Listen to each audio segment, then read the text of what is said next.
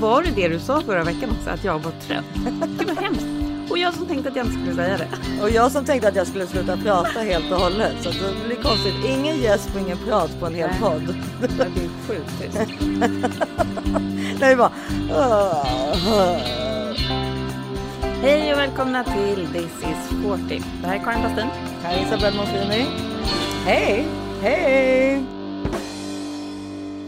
Du har en ny look idag säger jag. Vi kör ju över Facetime på datorn. Jag sitter i garderoben och du sitter på ditt hotellrum. Och du ser ut som att du ska liksom gå ut på party. Ja, jag ser lite nästan ut som en transvestit tycker jag själv. Men Nej, jag tycker du är jättesnygg. ja, jag trivs inte med mig själv när jag är så här sminkad. Men eh, vi eh, har, ju- gör ju ett samarbete med Kids Brand Store. Och jag, vi, jag och mina två söner var på en plåtning där i eftermiddag. Och då blev jag sminkad av en professionell sminka. Mm, kul. Det är ju roligt. Ja, gud ja. Det är alltså, vi så Ja. glada alltså. Ja. Men det är inte så att också när man äntligen har fått lite så här rejält med smink. Man vill inte gå ut då eller? Jo, det vill man säkert. Men du vet att nu är det ju så här alltså, i mitt liv. Normalt sett när jag är här i Stockholm under augusti så är det ju mycket party och grejer som händer. Men eh, nu det ju, har det ju blivit liksom att det är, inte är det på grund av att man vet att vi ska ju vara kvar här. Eh, Varken mina kompisar eller jag själv känner ju mig speciellt stressad av att ses hela tiden.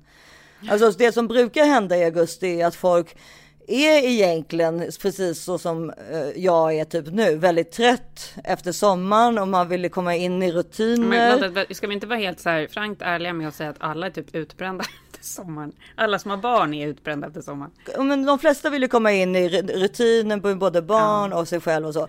Men då har, ju, har jag ju förstått att många av mina kompisar har ju liksom lagt sig platt då för att kunna träffa mig. Så det har ju liksom varit grejer varje kväll, typ när man är de här tio dagarna i augusti i, Sverige, i Stockholm.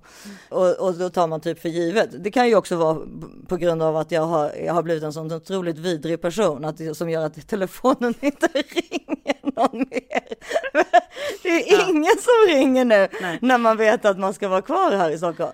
Nej men du får göra som Amy Schumer som har sitt så här, nummer i sin profil så kan liksom alla ringa henne. Oh, hi. It's me, Amy Schumer, with some exciting news.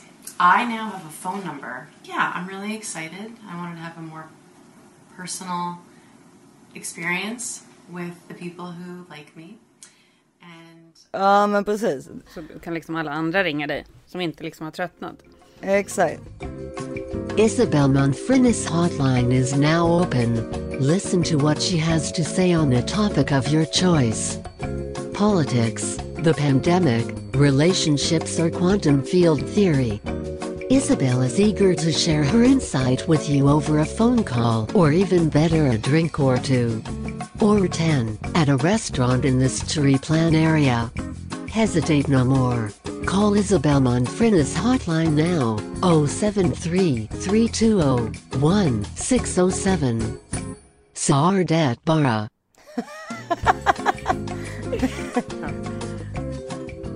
Nej, men det gäller ju en själv också. Den där veckan, tio dagarna som man är i Stockholm i augusti innan man flyttade hit.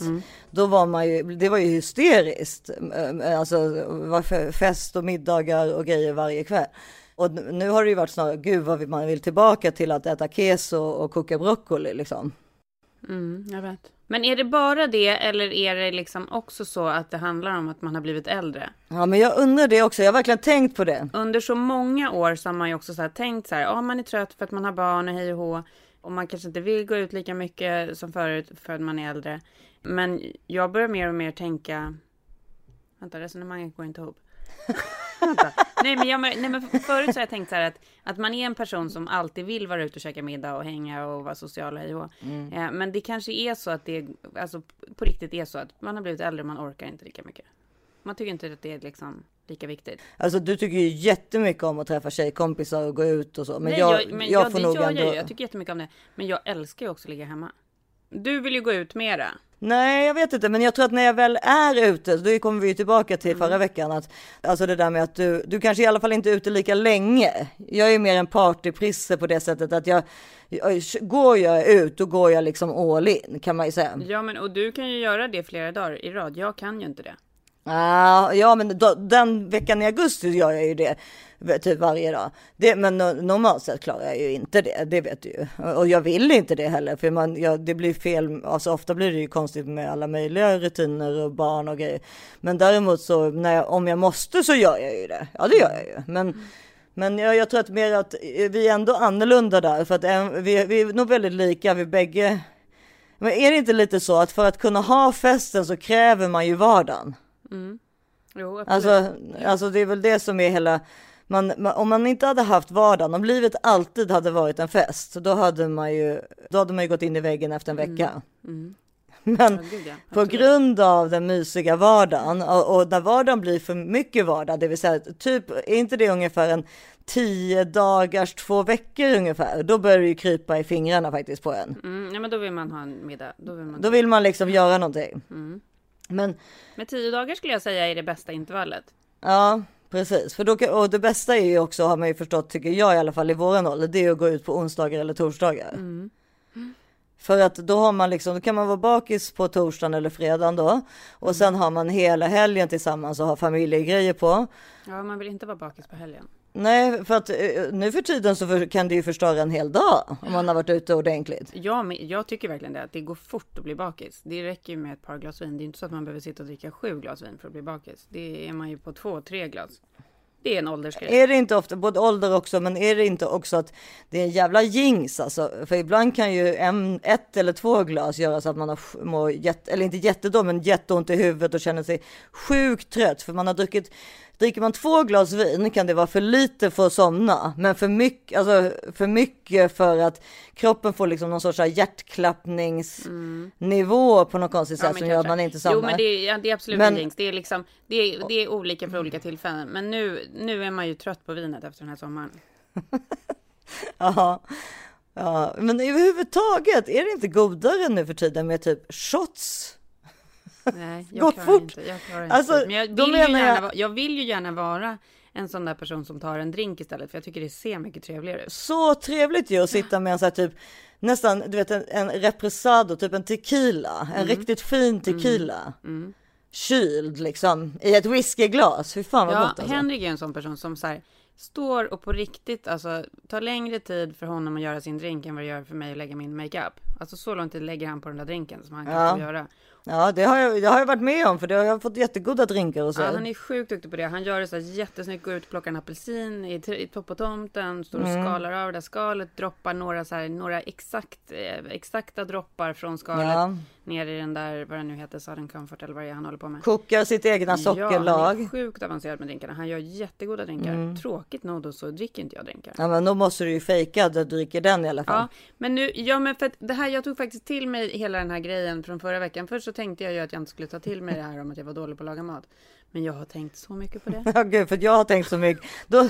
Things are gonna happen. Nej, men det kommer, alltså change is coming. Jätteintressant, ja. för det som tog mest på dig, det är att du var dålig på att laga mat och det som tog mest på mig är att jag pratar för mycket och inte låter andra komma in. Mm, men det är väl de grejerna man då känner att det är så här viktiga grejer som man själv, själv har tänkt på förmodligen också. Ja, och som man verkligen vill skärpa sig mm. med.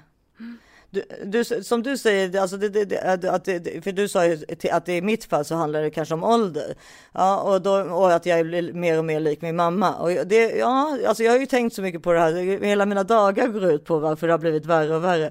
Och det, det kanske ligger ja. någonting i det där med mamma faktiskt. Mm. Det var ju därför jag la ut den här mamma mm. är lik sin mamma. Ja, det är alltså, det är liksom det man ska, alltså, nu är ju jag väldigt lik min pappa egentligen. Men mm. just med det där så är det, det är ju nog mamma, för hon har ju väldigt mycket av det där i sig. Mm. Att hon har rätt och sådär hela tiden. Det är så himla märkligt. För jag undrar om det, det kan ju inte vara genetiskt, utan det måste ju vara någon slags här... Jo, varför skulle det? kan vara personlighetsdrag såklart. Ja, okay. Som blir värre och värre med åldern. Mm. Det är klart. Kanske.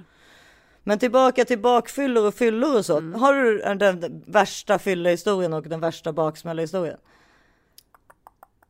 Uh, men baksmällor har jag så många. Men ja. det var ju under en period när vi verkligen gick ut jättemycket. Ja, för det, det, det, måste vi säga tillbaka till. Alltså den här, typ när vi hade riktigt små barn, mm. alltså typ så här två år och sådär. Alltså vi var ute ibland två, tre gånger i veckan. Minst två gånger i veckan.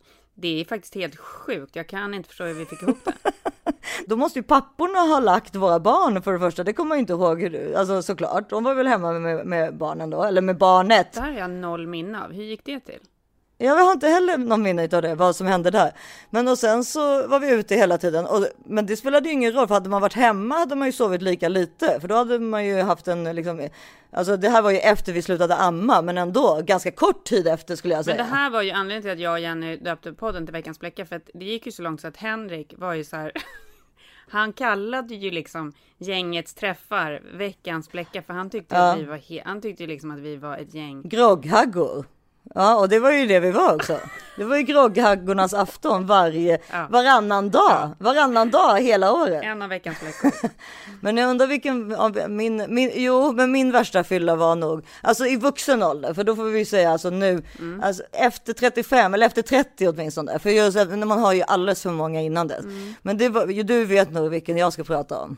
Nej. Det var ju när jag, det var ju när jag vaknade, vaknade klockan sju på morgonen med alla kläder på hemma hos Maranda. Ja, just det. Ja, det var hemskt. Och då hade Filip försökt ringa hela natten.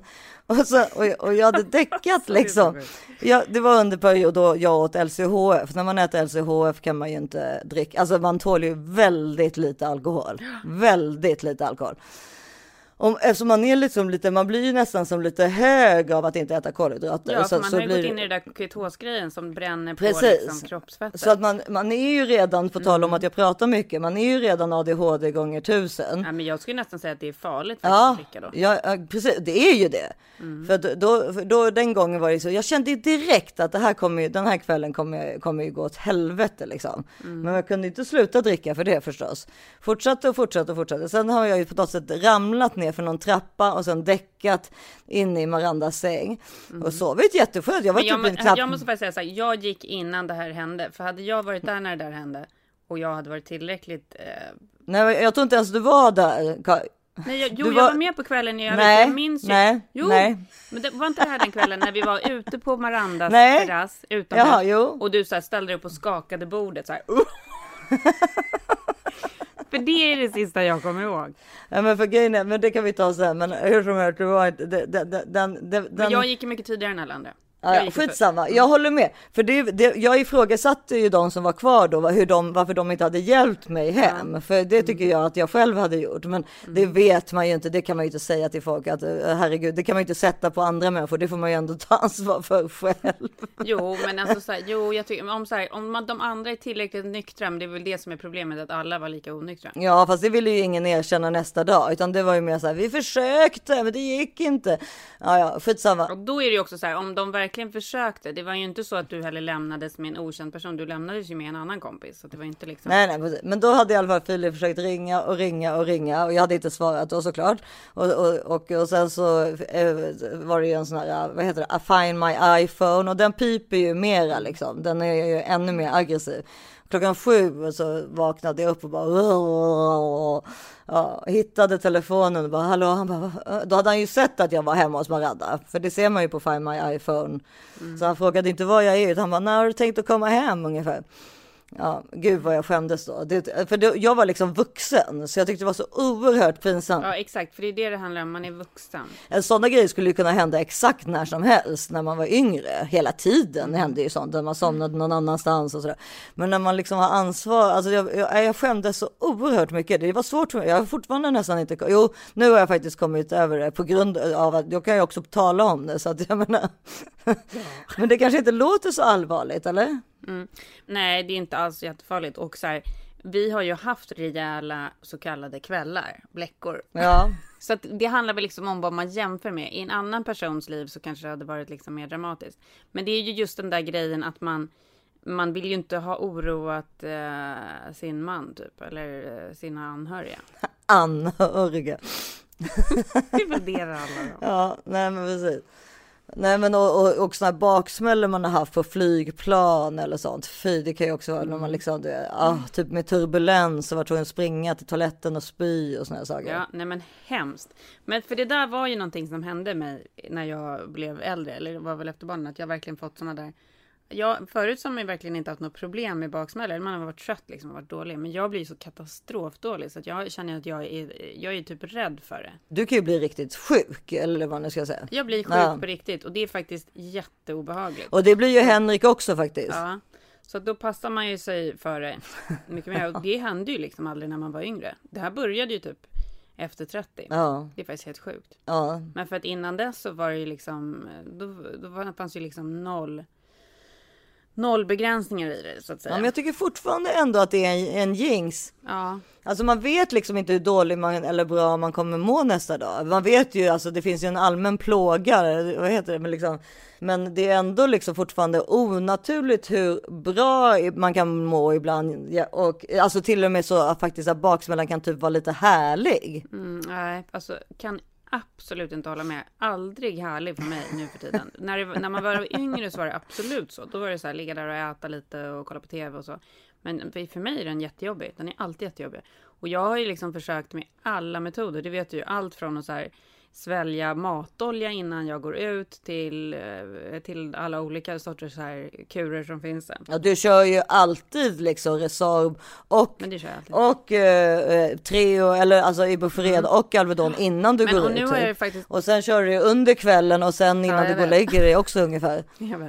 Så du, och ändå, det kanske är därför du mår så dåligt för du har kört för mycket Nej, saker. för att jag har testat utan och det blir värre. Men en grej som jag faktiskt har upptäckt sista året, det har jag till och med glömt berätta för dig. Jag har ju något så här eh, compound apotek som jag hämtar ut eh, någon medicin på ibland.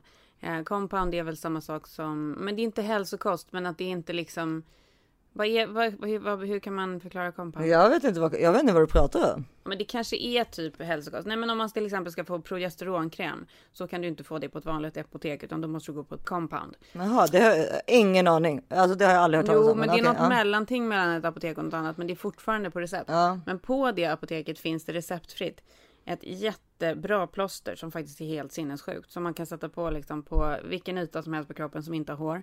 Innan man ska gå ut. Jaha. Ja, och då är det, det är ju typ som att man kanske går runt med en sån här, med en IV liksom. Med en påse dropp samtidigt. Det är så mycket vitaminer och grejer som liksom ges, ja men typ som ett rökplåster. Fast det ges liksom Fy fan.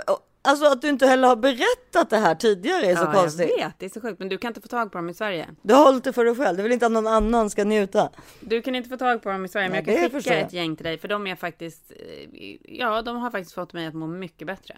Och sen fanns det ju någon, någon som jobbade typ på Apple som kom på någon dryck som hette någon här morning recovery typ.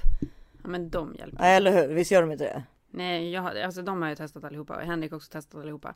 Han tror ju däremot på, det finns ju någon, något annat så här oljepreparat som man tar i en kapsel också, som, som kan hjälpa till innan. Det är ju någonting med den där oljegrejen. Ja, eller gör- grädde också väl, eller? Ja, jag tror det. Mm. Ja, ja, men så måste man ju äta ordentligt och ja, men det är ju som att ladda för, det är som att ladda för Vasaloppet. Det är som att ladda för ett maraton innan man ska gå ut. helst av Ja. allt skulle man ju säkert ta liksom en, en rejäl skål, skål med gröt liksom fem Ja. gånger under dagen innan. Precis, för problemet är ju också är ju att när man väl har börjat dricka så är det ju Mm. svårt att få i sig jätte, jättemycket mat. Alltså säga att man har en Men är lång för sent. fördrink. Jag, jag tror att det är för sent då. Det är nog det som är problemet snarare. Ja, Kroppen måste för vara så sent också. stark innan. För det är också så här, man har ju sovit dåligt och det är så himla mycket olika faktorer som gör att man inte är. Ja, och Det är både- självklart att man inte mådde på det här sättet när man var yngre, för man hade inga barn, man hade bara sig själv att tänka på. Man kunde sova hur mycket som helst. Nej, det- Eh, ja. Och kroppen var Kroppen här, var ju ung. Kroppen var ung och Ja. fräsch. Ja, kroppen Men var allt fräsch. är ju annorlunda nu med åldern, alltså så är det ju bara. Alltså det är klart att det, det har ju också med cellförnyelse att göra. Ja. Alltså, Men för det är så, jag måste berätta för det är så sjukt, det har jag säkert berättat för dig. Men jag och en kompis var ju jobbade på Mallorca under ett par månader, ganska lång period. Eh, Mm. ja vi det kommer jag ihåg. tror- Eller du har Ja, men jag berättat tror det. faktiskt inte ens, jag tror inte att jag ens hade fyllt 18. Nej. Men så jobbade jag ju på någon bar där och det enda vi gjorde var ju såklart att vi drack och jag, så här, jag drog in noll pengar till den där baren för varje gång. jag, jag körde ju alltid så här chupitos for everyone så att det var så här Ja, shots till alla klart. Men då måste ju folk ha kommit tillbaka i alla fall, eller? Ja, jo, det var väl det de gjorde. Men ja, jag lyckades ju vara anställd tills den dagen när jag dyker upp på jobbet och de frågar mig vad jag var dagen innan. Vadå? Hade du inte va- Så sjukt! Och jag bara, vad, men? jag bara, vad menar ni? du hade gått till en annan bar och jobbat? Nej, nej, nej, nej, men då visade det sig. Nej, jag kan, alltså mamma kommer ju dö när hon hör det här. Men nej, men Ja. då hade ju vi varit ute och festat dagen innan. Och det hade alltså gått ett dygn utan att jag förstod. att jag förstod det. Nej, som du bara hade sovit. Först varit ute och sen sovit bort. Och så, så när jag kommer till jobbet och de säger mig, Nej, men vad var det igår? fan. Och så jag bara, men jag var ju här. 24 timmar hade försvunnit ute i, i, i universum. Ja, nej men det här vill man, det här är ju liksom mardrömmen att ens barn ska göra det är något klart att det, kommer får inte hända. Ja, Eller liksom, ja. Mm. du, varför skulle våra barn vara bättre? Däremot, vet du vad? Jo, de kommer vara bä- jag tror faktiskt att de kommer, Nej. jag tror att de kommer vara bättre, för jag känner att jag var så extrem. Alltså de är inte så extrema, jag kan inte tänka mig det. Nej men vet du vad, det här kommer inte du gilla att höra, men vet du vad, våra barn kommer nog inte hålla på så mycket som vi har gjort med alkohol. Däremot så kommer de att hålla på med kemiska saker. Alltså de kommer ju ta piller och de kommer hålla på, alltså de kommer knarka. Nej, usch, alltså, sluta, det jo, nej men så är det, så är det bara. Jag kommer förbjuda det. Ja, jo, det är klart, det, det försöker vi ju, men jag, det kommer också vara renare på det sättet att kanske inte lika mycket, du vet, typ så här, någon som ligger i en, i en eh, Humlegården och spyr och så vidare. Alltså saker som hade kunnat hända oss i kombination med alkohol när vi var mindre, är ju, alltså det är ju ett under att både du och jag är vid liv. Alltså då kan man ju tycka kanske att typ så här knark, om det är till exempel kokain eller, eller kanske ecstasy, jag vet inte. Jag tror att bägge de två är ganska populära bland 15-åringar idag till exempel. Och MDMA förstås. Då, då, Men alltså, jag är inte med på det här Issa. Absolut inte. Nej, nej, nej, men du kan bara inte vara med hur mycket du vill, men det kommer ändå vara så. Du, du, du, om du inte har dem i kloster, att de inte gör någonting. Men kommer de göra någonting så tror jag inte de kommer bli så fulla, utan de kommer snarare ta, knarka. Nej, men de kommer inte få göra det. Alltså, de Nej, okej, kommer men- inte få göra det. men jag bara Nej. säger att ja, det är min teori och sen och jag har förstått Det är också. klart att de kommer göra olika saker. Det är klart att de kommer testa saker. Så är det ju absolut. Men jag kommer absolut inte acceptera. Jag kommer acceptera lite. Jag kommer acceptera liksom det som är normalt. Det, åt det andra hållet går ju såklart inte. Men jag kommer absolut inte acceptera någonting. För det enda jag tänker på när du säger det här, det är ju euphoria. Och jag tycker att det är, alltså jag må- mådde så dåligt när jag såg den serien. Åh, jag älskade den serien. Det är verkligen ett tips från min sida. Euphoria med Zendaya som är en av de vackraste kvinnorna på Nej, jorden. Hon är helt otrolig. Ja, men och den är ju verkligen så här, det är ju liksom en förorts... Titta på den. Ja, men så här förortsmiljö och barn som så här börjar väl med... I Kalifornien. Börjar med att de kommer över föräldrarnas typ lite lugnande preparat och sen så bara Mm. totalt urspårat. Usch. Men och det, den är ju en, för- just den serien är ju en förort där det inte är så bra ställt. Alltså det är liksom, alltså det knark existerar på ett helt annat sätt idag i både fina miljöer, miljöer och fula miljöer så att säga om vi ska liksom prata, eller, alltså du förstår vad jag menar. Eh, och eh, det, och det, det som inte fanns när vi var 15, när vi fick ta liksom hitta en häxa och eh, kanske någon hade typ hasch eller någonting. Alltså det var ju så, det var ju liksom, men och, och, man snodde sprit av sina föräldrar och sen så, t- ja, jag, hade ju en killkompis som hade ett falsklägg med en svart person fast han var vit. Och sen, Ja. han blev aldrig tillfrågad för han såg så gammal ut. Ja. Han fråg, blev aldrig tillfrågad om lägg. Och sen så en annan tjejkompis som alltid tog sin mammas päls. Och då, hon såg också gammal ut, så hon blev aldrig tillfrågad om lägg heller på systemet. Men alltså jag Men, gick eh, på systemet alltså från 15 års ålder typ. Alltså vet du hur sjukt Ja. jag, idag tycker jag att det är så jävla Det är sjukt. konstigt För för, du såg ju varit- barnslig ut. Ja, men det Du måste- såg verkligen Ja, barnslig men ut. jag hade ju ett lägg på en person som var 21. Ja, ja, du fick visa lägg i vilket Ja, fall. men, men Ja. det är ju det som är så sjukt. Alla mina kompisar hade ju falsklägg. Vi hade ju det allihopa. Jag kan inte Ja. tänka mig att folk går på det där idag som de gjorde då. Jo, men visa, vad ska de, de kan inte ifrågasätta det, det tror jag inte. Har man ett lägg så har man. Alltså det är klart att det här är inte du. Alltså ska de ta in polisen och grejer. Det var inte ens vi på bilderna liksom. Nej, det är klart det inte var. Det förstår jag ju. Men det, det där med falslägg tror jag, ja, jag vet inte om det är lika vanligt idag, men hur som helst så hittar ungdomarna idag både alkohol och, och eh, knark och cigaretter förstås. Tyvärr så tror jag att den biten av knarkdelen har blivit mycket, mycket tidigare och mycket, mycket vanligare. Åh, Gud, jag blir så nervös. Nej, Jag sitter bara och skakar här i garderoben. Det är- är- men, det, jo, men jag håller med. Men sen samtidigt så tänker jag så här, fan vad det är mycket jobbigt. Alltså alkohol är ju fan boven till typ väldigt mycket kvinnomisshandel, eh, bilolyckor. Alltså mycket mer, alltså det är ju såklart på grund av att det är den vanligaste drogen också, men det är ju verkligen en djävulsk drog. Ja, alltså, det skulle aldrig bli lagligt idag om, om, om, om alkohol uppfanns Nej, idag. möjligt, möjligt alltså att det, att det skulle... Så det att jag vet inte, egentligen, vad fan skulle man inte hellre typ vilja? Alltså förutom att det är väldigt onyttigt för kroppen, men rent så här farliga saker som kan hända. Jo men för det är ju det som är grejen, att det kan ju bli sån hjärnpåverkan på andra sätt. Ja, framförallt innan din hjärna oftast, är... Det krävs ju oftast liksom ett långvarigt alkoholmissbruk. det ska Verkligen, liksom- det är verkligen bli- precis. Det är inte det som är problemet. Ja, Saker kan verkligen. hända mycket, mycket, Snabbare, mycket, fortare. Ja, på en gång. Mycket fortare och det är jävligt läskigt för när man har, man har inte konsekvenskänsla när man är barn ju, överhuvudtaget. Det i kombination med att, eh, att så här, ungdomarna är så otroligt påverkade av grupptrycket. Ja, Vilket gör att man i en, en given situation kan helt plötsligt bara få för sig att man, typ då, om man är med några kompisar skulle poppa ett par piller utan att veta vad det är. Det är ju det som är så jävla läskigt. ja precis och sen eller ta ett för mycket för att eh, styla och så, och så vidare. Tar man en för mycket shot då spyr man kanske. Alltså det, det är andra konsekvenser liksom. Ja, jag tycker det är läskigt. Ja, det är Men- klart, men allt det där är ju läskigt och det är ju det vi Men har det- framför oss. Och vi har säkert massa lyssnare som har gått igenom liksom pubertet Mm. till vuxen med barn. Och då, det är ju liksom, så ni kan väl berätta för oss hur ni har känt med de här sakerna. Men, och, och, jag, och kanske det finns kanske lyssnare som har just 15-åringar där, som kanske lever i den här miljön av oro just nu. Ju.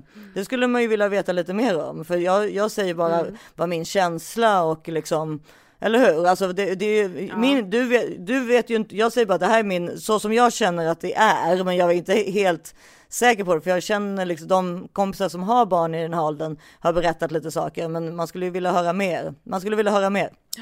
Jag håller med. Det är ju eh, ja, men det är något man tänker på mycket och som man pratar mycket med kompisar och så. Mm. Och som också är väldigt olika så här USA kontra Sverige, eller inte USA men så här LA kontra Stockholm. kanske. Ja. Jag tror, I LA så är ju barnen curlade längre, men samtidigt så, eh, vilket är, jag har alltid tyckt har varit väldigt, väldigt positivt. Alltså man får vara barn väldigt länge i USA. Men samtidigt som då här då, som väldigt många tycker är väldigt positivt med Sverige, är ju det där med att friheten här, man lär sig bli självständig och så vidare. Men eh, ja, det enda Men viktiga. det finns, ju, det finns ju negativt och positivt med båda sidor Precis, såklart. precis. Jag tycker också att det är skönt att, så här, att barnen kommer, att man, det känns som man kanske har lite mer koll på dem längre här. Mm. Men det kan också vara värsta inbildningen. För, men för i slutändan handlar ju allt om kommunikation. Alltså har du inte kommunikation med dina barn så spelar det ingen roll om du är på Island eller i LA eller i Mm. Nej, men, Stockholm. och Issa, du kan ha liksom kommunikation med dina barn och dina barn kan vara sjukt smarta och bra på att ljuga i alla fall. Liksom. Exakt, nej men jag menar ärlig kommunikation Mm. då förstås. Alltså att de vågar, det är det som är grejen, att är man för mycket så här, fy fan det där får du aldrig göra, så här, då kommer man ju aldrig få höra någonting heller. Mm. Så det är en väldigt thin line på hur man ska liksom bete sig mot ens större barn angående detta liksom. För att Mm. eh, blir man för mycket liksom, oj hon verkar ju tycka att det här, hon skulle som om man, hon, de skulle liksom nästan bli vräkta ifrån sitt eget hem om de fick, om ens föräldrar fick höra något liknande. Mm. Då, då skulle de kommer de ju aldrig våga säga det till en. så Nej, att, självklart inte. så att man, Man måste vara up to date. Man måste ha värsta kollen på var de är någonstans och själv också vara i de så här medierna så man ser vad som händer och vad som pågår. man måste ju vara modern och förstå vad som pågår i världen. Vet vi vad de tar för någonting och vad de blir fulla på eller höga på? Alltså, eh, Våra föräldrar hade ju ingen aning om det, alltså för de var ju inte där. Vi, det var en helt annan sorts, vi, var, vi levde i en generation där, där våra föräldrar gjorde någonting annat eller vad ni ska säga. Ja men det var ju vi och dem. Alltså vi, vi de var ju liksom levde ett helt annat liv. Ja, nej men precis. Och de men vet du om en sak Issa? Det är fullt möjligt att vi är i värsta illusionen och tror Ja. att vi så här, lever de här ungdomsliven och att vi är så med men att vi är egentligen helt utanför. Ja, nej men alltså jag vet att mina barn tycker att jag är super och modern och jättetöntig och cringe och hela baletten. Alltså Mm. och framförallt omodern. De säger ju ofta att pappa är mycket mer modern än vad du är och sådär. Alltså att jag, pappa har, Här, här, här är ja, det de tycker att pappa har bättre koll på läget liksom. Jag bara, va? Skämtar du? Jag har ju buffalo shoes. Men det, det kommer man inte långt med, utan det Nej. är liksom någonting annat. Det är därför det är kul att få höra från våra lyssnare om ni har erfarenhet av detta. Alltså, det är så här, alltså vad, är, vad är det som händer? Har vi koll här på vad som kommer hända med våra ungdomar? Hi again. What's the difference between MDMA and ecstasy? What's your thoughts on drugs and parenting? Call Isabel Monfrinis hotline now. We love to hear from you. 073 320 1607. I repeat 073 320 1607. Leave a message. Share your knowledge with our podcast listeners. Let your voice be heard.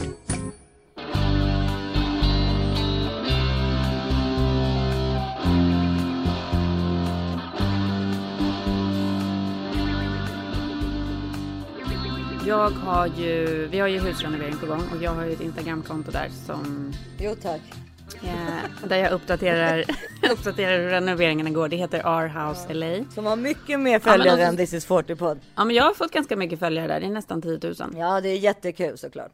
Och du är väldigt, väldigt duktig. Med, med, ja. Ja, men jag vet inte riktigt vad jag vill med det kontot, men jag tycker att det är kul att köra den här renoveringen där. Och jag tycker det är kul för att den både så här rolig för oss, och rolig för vår familj och sådär. Ja, men jag tycker det är kul att, att dela med mig det. Alltså det är underbart i efteråt att kunna ha den, det som ett album. Precis. Det är fantastiskt. Ja. Och då så fick jag ju en förfrågan häromdagen på det här kontot från en kvinna som skrev eh, Wow, gud vad kul och spännande, det var på engelska då. Wow, vad kul och spännande att följa en renovering. Vi bor också i ett, eh, i ett Paul Revere Williams hus som arkitekten heter som har ritat huset. Han är då jättekänd i LA, han är svart och var verksam från 20-talet och framåt och har liksom byggt eh, otroligt många så här framstående, både så här kommunala byggnader och privathus. Till stor del till en, liksom en, sto, en rik del av den vita befolkningen i områden där han själv inte ens fick vara. Alltså han var helt otrolig och har verkligen fått kämpa och sådär. Men var det inte lite så också att han, varför han fick jobb var från början för att känn, alltså kändisar på den tiden i Hollywood diggade Mm. honom. Och då kunde inte någon annan säga emot riktigt liksom. Ja, han har gjort hus till alla möjliga stora Hollywoodkändisar. Kallades ju liksom arkitekten till Hollywoodstjärnorna. Ja men var det inte typ därför han fick jobba, typ sen göra någonting annat? För annars skulle väl på den tiden var det ju typ som du säger, han fick ju nästan, jag vet inte, du berättade någonting till exempel det där med hur han ritade, Ja, han lärde sig rita upp och ner så att han inte skulle behöva stå på samma sida som sina klienter. ja det Eh, förstår när de gick Alltså, igenom ritningarna. Det är helt sinnessjukt. ja. Men jag har läst på så otroligt mycket om honom och verkligen blivit så här jätteförtjust honom. Så jag kan en hel del nu då om honom och om mycket byggnader. Men så är i alla fall den här kvinnan då som skriver till mig. Hon bara, vi bor också i ett eh, hus av honom. Vi älskar hans arkitektur. Eh, det vore så himla... Och så säger hon då, vi bor i Palisades.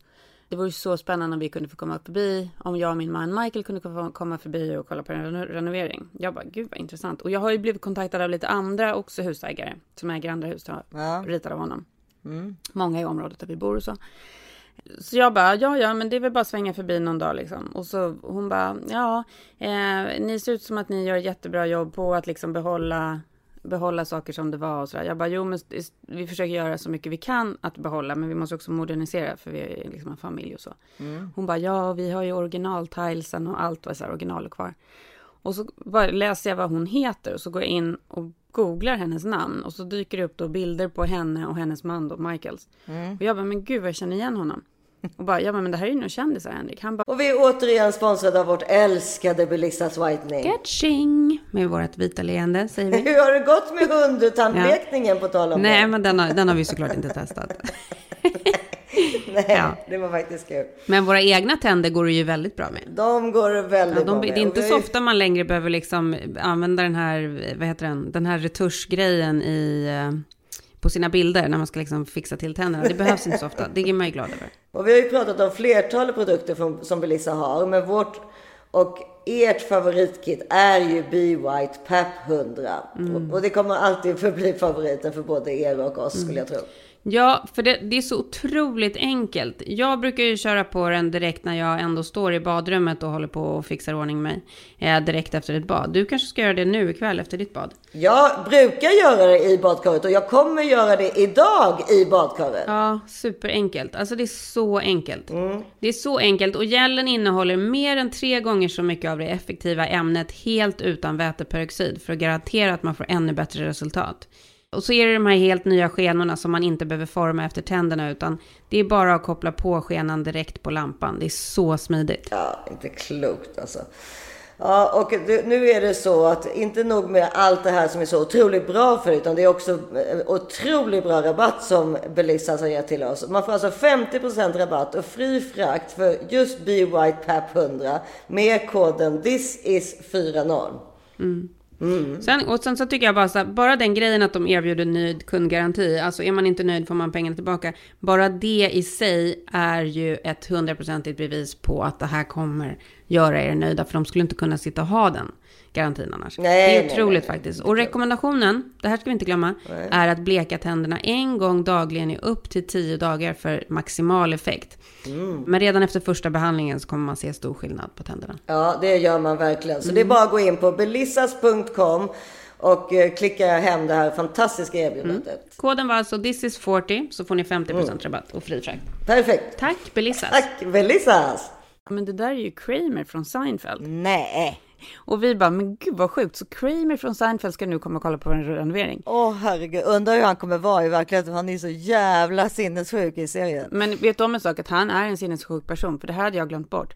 Men det finns ju en anledning till att man inte har sett honom på sjukt många år. Alltså om du tänker efter, du har inte sett honom i någonting. Jaha, varför? Ja, nej det är klart. Men jag tänkte bara att han inte behövde jobba, att det var fine för honom, eller? Nej, vet du att efter att han hade gjort Seinfeld så försökte han göra en egen show och lite andra grejer. Men sen så hände ju värsta katastrofen. Han gjorde ju ett ståuppframträdande på The Comedy Store tror jag, nere på Hollywood, nere på Sunset här. Och får ett sånt jävla sinnessjukt utbrott och gör världens värsta rasistiska rant när han står uppe på scenen. Shut up! 50 years ago, they had you upside down with a fucking fork up your ass! you can talk, you can talk, you can talk your brain now, motherfucker! His ass out! He's a n He's a He's a Ooh. Ooh. All right, you see? It shocks you, it shocks you to see what's buried beneath your stupid motherfucker.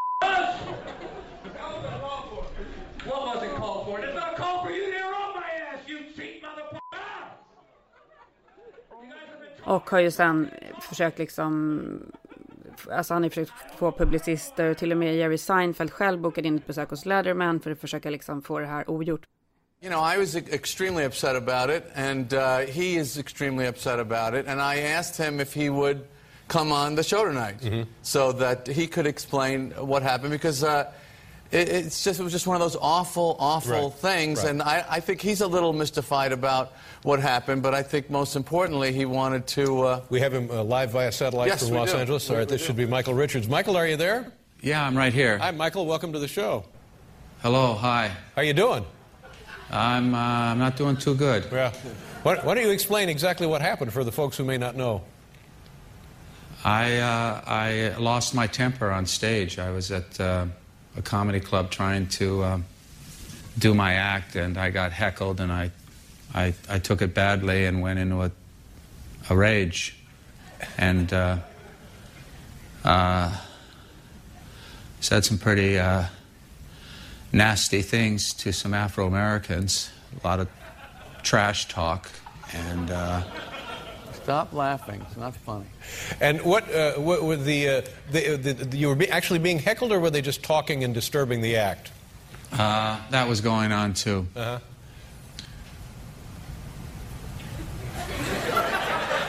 And did you? I know. I mean, hearing your audience laugh, you know, and it's it's. Uh, I'm not even sure that this is uh, where I should be uh, Well, addressing they're uh, so- so uh, used- the so situation. I, I've already heard you make some jokes about it, and that's okay, you know. But I'm, I'm, I, you know, I'm, I'm, I'm really busted up over this, and I'm, I'm, I'm very, very sorry uh, to those uh, people in the audience. Uh, the blacks, the Hispanics, the whites, everyone that was there that took the brunt of that anger and and and, and Men det är helt omöjligt att göra ogjort för det var så, det var så grovt liksom. Ja men gud. Ja, Otippat. Ja, otippat. När, vilket år var det här liksom? början av 2000-talet. Är Jätteotippat och jätteobehagligt faktiskt. Alltså man får verkligen så här, det är inte kul att se det där klippet. Men då måste han ju ha tagit, han måste ju vara drogpåverkad eller någonting eller? Ingen aning vad som kan ha hänt. För grejen är den att i min, i min vidare Du konversation. kan väl fråga då när ni ska ses? Ja men, men jag vet inte ens om vi kan träffa honom för jag tycker att det är så hemskt det som, det som har gjorts liksom. Nej men herregud, han måste ju få förklara Ja, sig. men han har, de har, alltså som sagt, till och med Jerry Seinfeld har försökt få honom att klara det. Men Ja, som jag, han har som, varit på en Forgive Me Tour. men det har inte hjälpt. Alltså, för, Nej. att, för att det verkar som att jag tror typ att det är något fel på honom. Kan, alltså inte Tourettes, men alltså du vet, det kan vara liksom någonting. Han har väl lite Tourettes kan man säga i serien. Ja, ja men något fel är det. Jo men han har, i serien har han ju Tourettes på det sättet att han, som han rör sig och hoppar Mm. och sådär. Tourettes kan ju gå, ta sig på tics också, det är Ja. inte bara hur man pratar ju. Men, men jag, alltså, jag skulle säga att det här är någonting annat. Ehm, ja, jävligt jobbigt i alla fall. Men hon i alla fall, hon frun då, hon bara, ja Michael älskar ju honom så himla mycket och vi har ju varit i kontakt med Pauls eh, granddaughter. Eh, så att de verkar ha kontakt liksom. Och sen så de, och nu när jag har googlat runt här, deras hus, man kan inte se det liksom någonstans förutom i någon utav den här, den här eh, granddaughtern har gjort liksom en, en bok över hela det här, eh, av alla hus som har gjorts liksom. Och då, då kan man se i den där boken gamla bilder från så här 50-60-talet. De bor ju typ i ett palats i Palisades där man ser ut över hela havet och Gud vad trevligt. Helt fantastiskt. Men hon fortsätter i alla fall och jag bara, ja men kom, det var att svänga förbi någon dag. Och sen nu igår så kom det ju en bild från henne då från ett av deras här art nouveau badrum som har, alltså är så sjukt fantastiskt. Så här, lila handfat, svarta väggar. Ja, men du förstår ju så här art nouveau när det var som bäst. Nej men fy fan vad kul. Ja, och så är det en kran på, på bilden och hon bara, ni har möjligtvis inte, Ja, ni har där- möjligtvis ja. inte den här kranen. Då fattar jag ju. Hon är ju bara ute efter kranen. Kramer vill komma och hämta en kran. Inte typ bara kranen, hon vill ha, ha alla era gamla appliances såklart. Exakt. Alltså, för, ja okej. De där jävla amerikanerna alltså, de ska alltid, Ja, de ska, det är alltid någonting de vill ha. Mm, nej men det är klart. Var- var- Varför skulle det annars ha varit? Och ska ni använda eran gamla eller ska ni ge det? Säkert också, säkert också ett intresse. Men vi försöker ju använda så mycket gammalt som vi kan. Men vi, som sagt, vi är också tvungna att modernisera jättemycket för att alltså det är stått orört i hundra år. Ja, Helt otroligt hus. Så kul. Världens roligaste projekt. ja. Ja. Nej men det är Det verkligen det. kul. Kramer, är ute efter kranen. Jag säger, hon vill, han vill åt allt i Ja. ert hus. Alltså eftersom han nu har allting i original så tänker han ju såklart att så där gör han ju med alla eller de, de med Alltså alla. fort det dyker upp någon som har köpt ett hus. För så de fattar att dem. ah, du, de där dumhuvudena kommer ju inte använda det där kaklet, ge det till oss. Och så har de bara, Precis. mm. Precis. Ja, intressant i alla fall. Men och sen så en annan kul grej som jag eh, fick reda på igår. Mhm. Alla vägar leder till kungahuset. Jag som då är royalist tycker att det är så jävla spännande med kungligheten och alltihopa. Nej, men i, i veckan så, så började ju skrivas jättemycket om eh, den här nya biografin då på Meghan och Harry. Har du köpt den eller? ja nej, ja, jag har läst om det. Men jag har också läst om att de har hittat ett ställe i Montecito, alltså bredvid Oprah va? Det är det det ska leda till där Jaha, samtalet. okej, ja. För att det är några kompisar till mig som har bott där så länge nu. Inte de som var med i den där slides där. Jo, jo. Ja, men, det är ju också... Ja, men det är. Jo, för det här är gamla kompisar till oss då som eh, Cesar har gått samma klass som dem jättelänge, världens gulligaste, som flyttar till Montecito som ligger då utanför Santa Barbara. en timme ifrån Los Angeles. Ja, eh, det var ju en rolig historia som liksom låg bakom det. Vi umgicks ju jättemycket. Jag hade ingen aning om detta. Men, eh, ja, men de var ju ganska välbeställda och de hade, en de hade liksom en kedja med sportbarer. ja, men man ser, man liksom sportbarer och jag förstod liksom aldrig riktigt hur, hur den här ekonomin gick ihop. Men sen så visade Men det är sig väl på klart, någon- har man sportbarer är man ju jätterik. Nej, för det var, Allting det var typ, plural. Det var typ tre sportbarer. Ja, det räcker. Eh, nej, det gjorde faktiskt inte det. Så att det var en annan sak som låg bakom det hela. Jaha, okej. Ja, men, ja, men också så hade jag ju någon träff med någon annan kompis och så, bör- så håller vi på och pratar om dem. Och, och så säger den här andra pappan bara, men du vet väl att det inte är barerna som ligger bakom ekonomin? Jag bara, vad, vad, vad är det som ligger bakom då? Ja, men då var ju han då vd och stor delägare i Vivid som är liksom en av de största porrproducenterna. Jaha, så han gör pengar på porr, Ja. det är ju det. Det är porr eller weed man ska bli rik på ju. Men ja. ville ju såklart aldrig liksom att det skulle komma ut. Nej, såld... det brukar inte vara bra så- rykten för dem.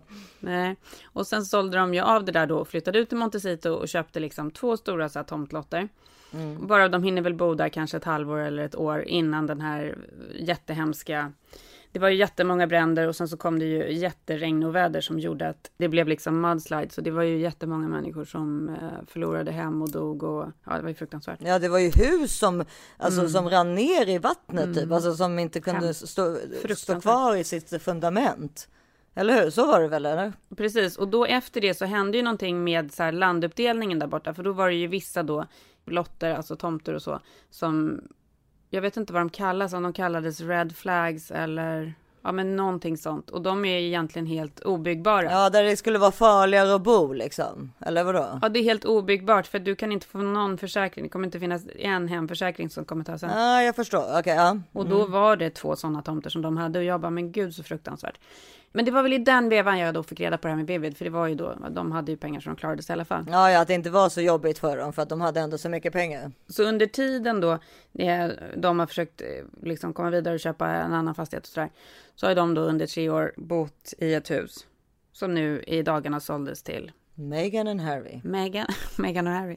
Jag har tänkt mycket på Meghan och Harry och mina connections. Ja, men gud, det är som om, det, du är ju inte, du är, det, vad säger man, Se- sex, uh, hur- alla är sex vägar från Kevin Bacon, eller? Men Issa, det är ju så för alla. Alltså Ja, på något jävla gud, vänster så ja. har man ju någon connection ja. till liksom, Ja. det är så sjukt. Men det Alla här är ju väldigt nära, det här är ju bara ett samtal, så är du liksom i Megans huvud. Ja men samma sak för dig och Leonardo DiCaprio. Där känner jag att jag redan är i hans huvud. Alltså han har ju hört talas om Selma. Ja. Alltså, så att, Vi har ingångar både här och där. Liksom. ja, ja, exakt. och så nu exakt. till Seinfeld också.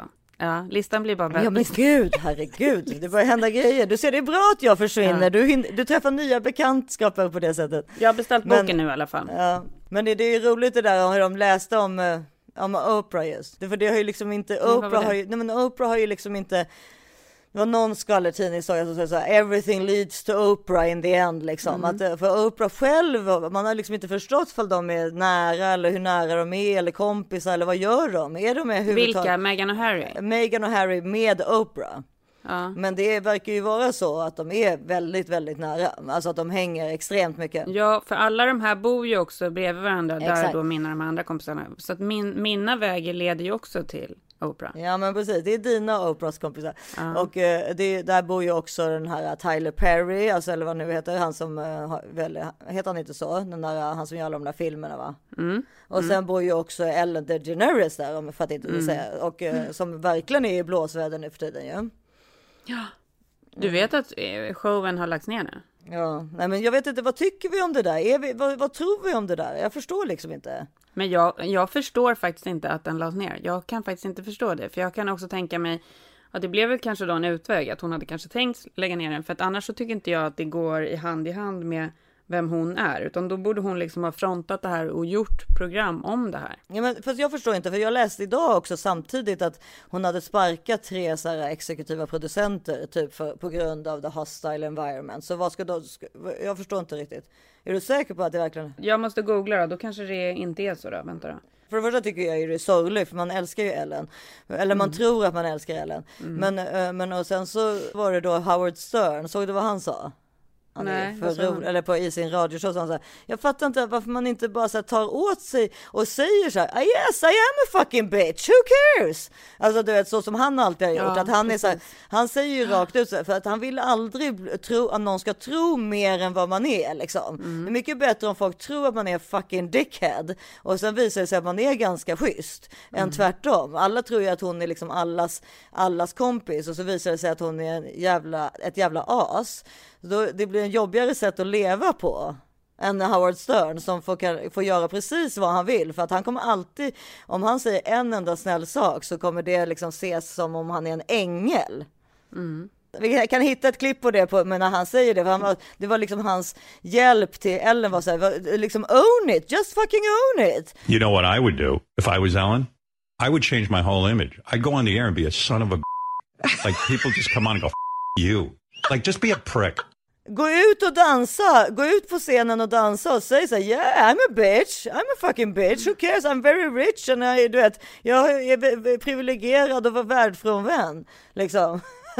och sen så hade folk bara, ja ja okej, ändå tyckte att hon var kul på något sätt efter ett tag. Men nu eftersom hon kämpar så mycket för att få sin liksom image polerad så blir det liksom ännu mer suspicious på något sätt nu sitter jag och läser. Ja, det kommer vara en comeback strong. Nej, de kommer tillbaka. Ja, de kommer tillbaka. She insisted, det avslutas med She insisted the show would come back strong next month. This will be the best season we've ever had. Så ja, men det är ju liksom wait and see. Det kommer ju såklart tas upp i showen. Det kommer ju bli en liksom genomgående grej. Det måste du ju göra, annars blir det jättekonstigt. Men, och, och De det är- har då, ju... men då, har alltså, de ju liksom, hon är- då, har de, då har de ju precis som så här, alla stora eh, bolag så har de ju liksom hittat då ett gäng syndabockar och de, får, de ryker liksom. Ja, men, precis. men vi får ju kanske en liten påa på det, alltså, att eh, folk kanske inte vet. Alltså Ellen DeGeneres har ju alltså en, en, en på någon av de alltså, vanliga kanalerna eh, så har hon då en, en, en, en da- daglig talkshow. The Ellen Så, Show.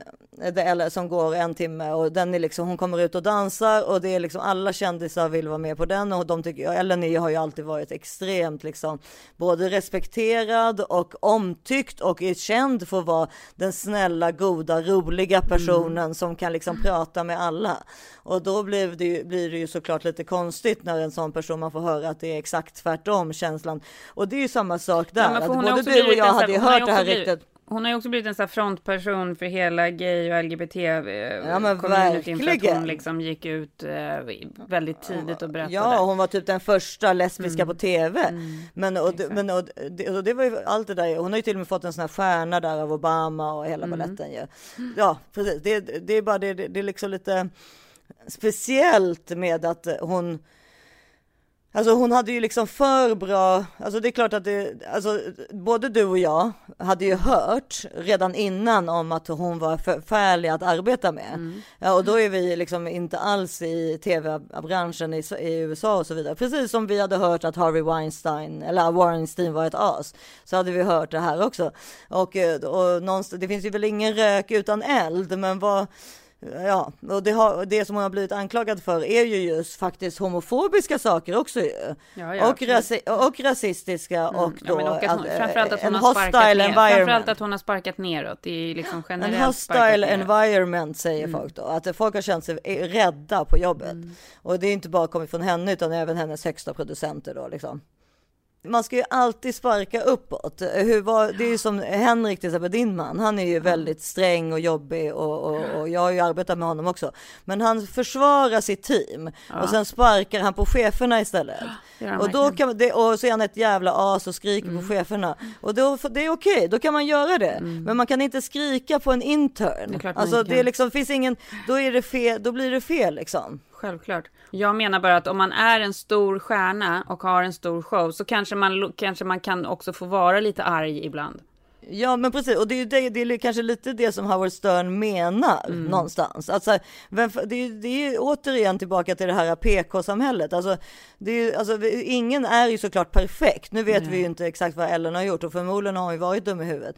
Men ändå så är det ju faktiskt så att man, man är ju inte alltid på jättebra humör och går omkring och dansar. Men eftersom hon har den attityden utåt då mot publiken en, gång, en timme om dagen och sen kanske kommer ut och skriker på någon och slänger en kaffemugg på golvet så blir ju det såklart extra jobbigt när man precis har sett den människan garva och dansa med sin publik liksom. Ja, Jag, jag, jag vet inte, men jag, jag tycker inte heller att det är så här, man kan alltså om hon nu har varit ett riktigt jävla as mot sina anställda, då är det ju faktiskt inte okej, bara punkt slut. Alltså, man, ä- hur, vad- även fast man är på dåligt humör så måste man ju skärpa sig, så är det ju bara. Och det, Det ska ju bli intressant att se hur de kommer hantera det här då när de kommer tillbaka. om. För som Väldigt sagt, det har intressant. ju ryktats om att den skulle cancelleras, men den kommer inte cancelleras. men- Men det kommer ju också vara väldigt intressant. Det kommer man ju för sig. Man kommer ju såklart aldrig få reda på någonting, för folk kommer ju självklart ha skrivit non-disclosure agreements, alltså skrivit på papper om att de inte ska säga något mot en summa pengar liksom. Ja. Det händer ju här hela tiden. Ja, vi får se. Det blir intressant.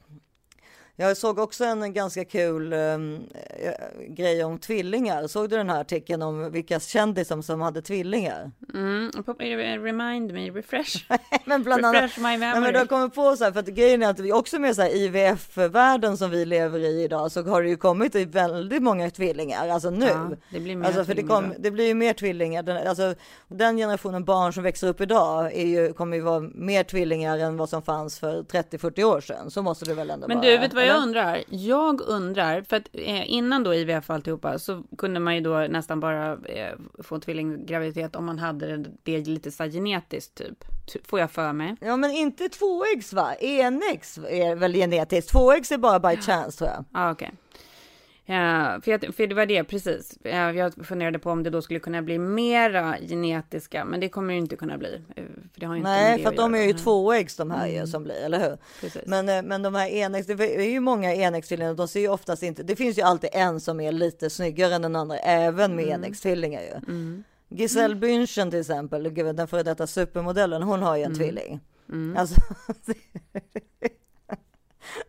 Nej, men det är liksom inte schysst. Alltså förlåt, alltså hon är också jättesöt, det är inte det. Men alltså det är liksom, Giselle är ju liksom en, ja hon är ju en Giselle så att säga. Ja, den brasilianska supermodellen. Ja, och, men då, och det är också så förmodar jag, eller har jag fel, att det är det inte jobbigare? Tänk, eller hur skulle det vara att ha en tvilling? Alltså, Jag tror faktiskt att ganska många som inte har en tvilling tänker att de inte skulle vilja ha det. Men de som har en tvilling tänker såklart att det är det bästa man kan ha.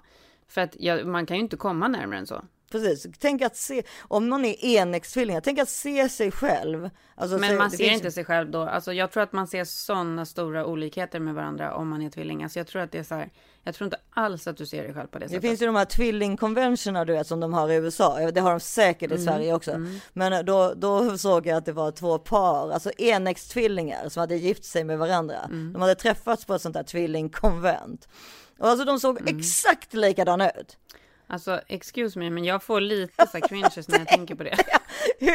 Vem, varför Ja. blev de just kära i den Vem? tvillingen? Ja, då Nej. var det ju såklart. Nej men och vem är vem och så här, det är svårt att liksom inte dra lite förhastade slutsatser om det hela. Jag träffade också, när jag kommer ihåg, just faktiskt den, tror jag den gången du träffade Selma första gången, alltså där utanför Mocko, kommer jag ihåg, för då tittade, då kom det just en tvillingmamma, eller om det, hon, ja, de, alltså det var, de såg ju exakt likadana ut, bebisar ser ju ofta ganska lika ut i vilket fall, alltså när de är väldigt små. Alltså när vi pratar om när de är några dagar gamla, så hon fick ju sätta liksom nagellack på ena för att se vilken som var vilken. Åh, Men gud alltså, och nu, och nu när jag tänker på det här, vi- alltså barnen har ju jättemånga klasskompisar som är tvillingar och det Har är ju de? väldigt Ja, så det är, då vet man ju att det förmodligen är IVF då, eller hur? Ja, det är jättemycket IVF-vändor och ett par så här, surrogathistorier också. För att det är ju eh, Ja. väldigt mycket gayföräldrar på våran skola. Ja, men jag tror att det är nog väldigt överrepresenterat med tvillingar på, på barnens skola. Det är väldigt mycket tvillingar där.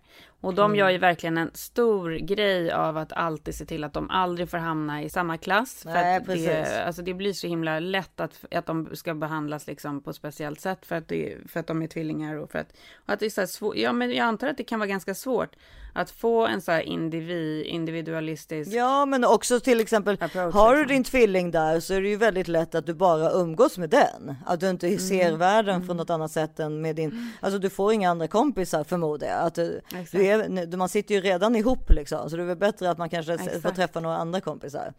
Men, Ja. jag, Men, men å andra sidan ska jag säga att de kompisarna då som jag har som har tvillingar här, de är ju väldigt nöjda nu under den här karantänstiden. För att de barnen, alltså så här, har ju verkligen varandra mer än någonsin. ja men vadå, det är, ju- det är ju som om att du har syskon. Alltså du menar det eller ensam Jo, barn? men de är ändå så exakt lika gamla och kan göra samma homework samtidigt. Eh, Alltså det förenklar ju saker och ting ganska mycket. Jag tror att det finns jättemycket positivt Jo, men det är klart det men finns, Gud, men jag så tror- jobbigt att vara mamma till Ja, tvillingar. eller trillingar då? Ja, alltså så jobbigt så att jag, jag, jag får panik när jag tänker på det. Jag kommer ihåg att jag, när jag hade fått Harry så hängde jag jättemycket i den här lekparken nere på Gärdet innan Ja, vi flyttade intensivparken där. Ja. i USA. Så var det en mamma där som jag träffade typ dagligen som hade tre, alltså som hade trillingar. Mm. Det var inte lätt alltså. Nej. Just den där ettårstiden också. Alltså, Hon var liksom. helt slut. Alltså hon var Smal, man blir slut. smal i alla ja, fall. Hon var helt slut och jättesmal. Man sitter inte ner en enda sekund. Nej. Jag såg Alltså- också att Scarlett Johansson har en tvillingbror. Mm, ja men det har jag också sett. Nej men och det är någon annan utav de här superkändisarna, typ en Affleck. Ja, Ashton Kutcher Ja, har en, en, bror, en tvillingbror. Ja, nej men det är ju inte... Det är otippat, det tycker jag är otippat. Alltså, så här, då tror jag så här, att vara ett vanligt, nu, nu generaliserar man ju, men att vara ett vanligt tvillingpar är säkert inte alls lika jobbigt som att vara en tvilling och ha liksom ett, ett känt syskon. Nej, nej men precis. Exakt.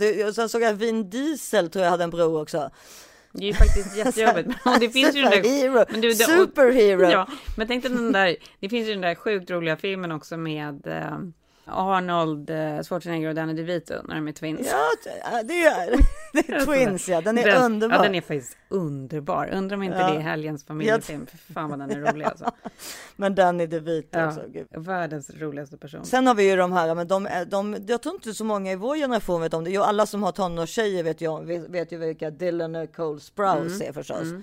Alltså de är ju så snygga så det är inte klokt. De är, men, men, de, men de är ju också så här, de har ju vetat, för det första är ju bägge snygga. Mm. Och sen så har de ju vetat väldigt länge att de vill hålla på med showbiz Ja. liksom. Alltså precis som, alltså, som sys, alltså, syskonen Ash, alltså de här, vad heter de? De eh, som var med i Huset fullt. Ja, Mary-Kate och... Ashley och Mary-Kate Ja, Olsen. de blev ju kända från bebisar för att på den tiden så och så är det ju fortfarande i USA. Man får inte använda, man får inte jobba med barn så länge. Så om man ska göra en tv-serie så det, måste man nästan alltid ha en dubbel Mm, för att de ska kunna jobba till åtta timmar om dagen liksom säger man. Så då kan den ena jobba fyra och den andra fyra. Så då jobbar man ju väldigt gärna med tvillingar. Ja, exakt. Och det var ju så de, det blev just de två tror jag som fick det där jobbet och det, de har ju varit kända hela sitt liv på grund av Men det. de har varit kända hela sitt liv och de hade ju egentligen inte behövt göra någonting mer än det, för det hade de kunnat leva på resten av livet, liksom den pengen som Ja, kommer in från de- huset. Men sen startade ju de sitt märke The Row va? eh, som de har dragit in väldigt mycket pengar på, som är så sjukt exklusivt och dyrt. Eh, och, Har de, har, är det bägge två som Ja. har gjort det? Och, okej. och sen så är det väl Mary Kate va, som gifte sig med eh, Sarkozys brorsa. Ja men det, de håller på att skilja sig nu ju. Ja, de håller på att skilja sig. Och det har man ju alltid tyckt har varit så himla konstigt, det äktenskapet på något sätt. Ja, verkligen. Jag Jag har var, varit så himla konstigt. jag var på Chateau en kväll när de två var där och satt och rökte weed i, på, på bordet bredvid. Ja, En liten ins, jag är, en, jag är ett, ett samtal iväg ifrån dem. ja, Tvill, tvillingarna. Men det har varit så konstigt för att varför känns det som att det har varit konstigt då? Jo, men det har varit konstigt för att eh, tjejerna i sig har ju verkligen varit så här, alltså de har ju varit väldigt mystiska. Nej, och sätt. de känns ju som bebisar fortfarande på något konstigt sätt. Ja, de känns som bebisar för man, man, ska ju ha klart för sig, de är väl närmare 40 nu, de kanske till och med är 40. Är de verkligen Ja. det? Jag tror inte det. Men, okej, men, men, han är ju mycket äldre i alla bebisar. fall. Han var mycket äldre Ja. och han var verkligen en gubbe och hon var så här ändå ung modetjej, även om hon har varit så här lite got. Jo, men det känns liksom lite 13-årig flicka-varning på henne. Eller har jag fel? Förlåt. Mm. Det är låter- exakt det ja. det känns. Det känns som att det har varit lite Lolita-grejerna. över det. Precis. Ja, det är därför. Och så är han fransman on top of it också. Ja. Eh, Det vet vi att vi inte kan lita på fransmän väl? Nej. Jag måste faktiskt kolla vad det är för åldersskillnad på dem. Ja, ja, men jag kan i alla fall berätta att imorgon börjar ju mina barn skolan. Mm. Så att eh, vi, Gud, vad spännande. ja, så nu direkt efter vi har poddat här så måste vi gå och lägga oss. För att eh, Ja. då, sen är det liksom skola. Och eh, då, så, så nästa gång vi Men poddar. vänta, då, förlåt mig, de Ja. är bara 34. Ja men det är det jag säger, de är sjukt unga. Ja, och Oliver Sarkozy är 51. Så att, och när de träffades då så var väl hon 25 liksom och han var väl då 45. Ja, det är ganska, det är Ja, ganska det är rejält. 20 år mellan dem. Det är 20 år mellan dem. Mm. Ja. Alltså jag menar, ål- kärleken har ju ingen ålder. Det är inte det som var grejen. Obviously. Det kan du väl se på Anna Nicole Smith och hennes kille om inte annat. Ja, exakt. men, men eh, däremot så, så var, är det någonting med det där. Alltså, om, om vi bägge kände det så var det kanske så då, att det var lite Lolita-varning. Det var det. Något, jävla, något fishy var det över hela. Ja, det, nu det de ju skilja sig i alla fall, så det var ju. Men hur som helst så börjar mina, mina eh, till något helt annat eftersom vi måste sluta här ganska snart. Mm. Så börjar ju mina barn, eh, slut, nej, börjar ju mina barn skolan imorgon. Bra. Och här då, det finns är ändå lite coronaanpassat för det är så här, man får inte gå in med dem i skolan överhuvudtaget. Det vill säga att du vet, förstår du, för Greta till exempel. Mm. Så alla måste lämnas på skolgården och för Oggy och Selma måste jag liksom lämna. Det finns ju ingen skolgård på Vasa Real, alltså det är ju på gatan bara. Mm. Så de får gå in liksom där i skolan helt själva och hitta sina klassrum och så vidare. Det är ganska spännande ändå. Ja, verkligen. Mina barn får ju gå själva in i sina rum. Ja. Hur ska det gå till när jag Ja. ska lämna dem? Nej men gud, och så kan du komma med lite kaka och... och... Ellie ska faktiskt få gå till skolan, men bara, bara alternerande veckor. Två dagar ena veckan och tre dagar andra veckan Mm. och bara 9 till, 9 till 12. Men jag är tacksam för det. Jag tycker det är jättebra och det är skönt att de har vågat det. Alltså, Mm. det... Men du vågat det. Alltså det är såna, jag satt ju precis innan du och jag började podda här så satt jag ju med rektorn. Det är ju såna sjuka grejer runt omkring, alltså det här så kallade covid protocol som alla alla, eh, alltså så här Henriks produktion, skolor, mm. alla som på något sätt har öppet och som ska ha flera människor på plats måste ha ett covid protocol. Mm, samma med Filip på hans jobb. I skolans fall är det extremt. Jag låg alltså i typ två timmar igår och fyllde i olika blanketter angående detta. Och det är så appar där man måste liksom fylla i massa frågor varje morgon. Man ska ta temperaturen innan man åker hemifrån. När man kommer till skolan kommer de ta temperatur. Om de under dagen skulle visa något som helst symptom på vad som helst, typ ont i stortån, kommer de isoleras i ett rum. Alltså det är så sjukt så att... Ja, det är väldigt dramatiskt alltså. Det är så dramatiskt. Ja, men, men som sagt, jag är glad att det blir det där ja. lilla ändå. Men okej, men gud vad spännande. Då får vi höra om, eh, om ungarnas skolstart nästa vecka. Eller hur? Visst, det kommer att bli kul. Det, det som kommer att bli skönt för mig känner jag, för det, det är ju det där med rutiner. Att jag, just nu vet jag, det är fortfarande bara ett stort svart papper liksom. Svart min, min, svart min framtid. Ja. Alltså vad ska jag göra? Vem är jag? Hur går mina dagar ja. till liksom? Men så nu snart kommer jag känna, liksom typ i slutet på nästa vecka så kommer man ju känna att man är liksom lite igång. Att man förstår, jaha, det är så här lång tid det tar att göra det här och det, de ska gå på fritids där eller liksom. Just nu vet jag ju ingenting. Så kul. Ja. Så det kan bli kul. Gud vad spännande. Mm. Ja, det blir det är mycket snack om det och mycket snack om massa annat. Ja. Kanske har Kramer varit och hämtat kranen. Ja, exakt. Och du har fått komma hem till Megan på någon, någon housewarming. Exakt. Och jag, jag, och jag har blivit bjuden till Sarkozy på, ja. på ett ligg. Du har lämnat Filip och blivit ihop med Sarkozy. Ja, exakt. Ja. Mycket kan hända ja. på en vecka hörni. Mycket, mycket kan hända på en vecka. Tills ni hör oss igen nästa vecka hittar ni oss på Instagram som thisis40podd. Glöm inte att donera pengar till bröderna i Kevin-fallet via våra olika profiler. Mm. Och jag heter Isabelle Monfrinis. Börja följa mig, det tycker jag är jättekul. Självklart ska vi göra det. Mm. Jag ska börja följa dig nu. Nej, jag, jag heter Karin. Jag heter Karin ja, Bastin och bloggar på The Way We Play också. Ja, puss älskling. Vi hörs nästa vecka. Hej då.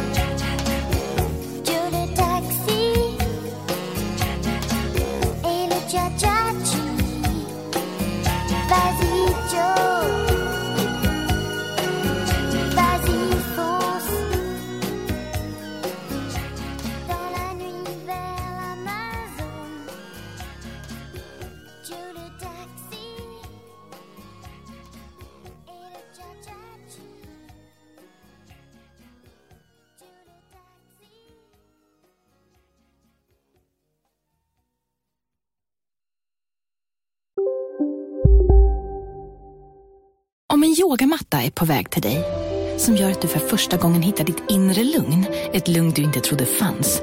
Som gör att du blir en trevligare partner, en bättre bilförare, en bättre kock. Du blir befordrad på jobbet men tackar nej. För att du inte längre drivs av prestation utan vill göra saker som känns meningsfulla i livet. Och, ja, eller ja, då finns det flera smarta sätt att beställa hem din yogamatta på.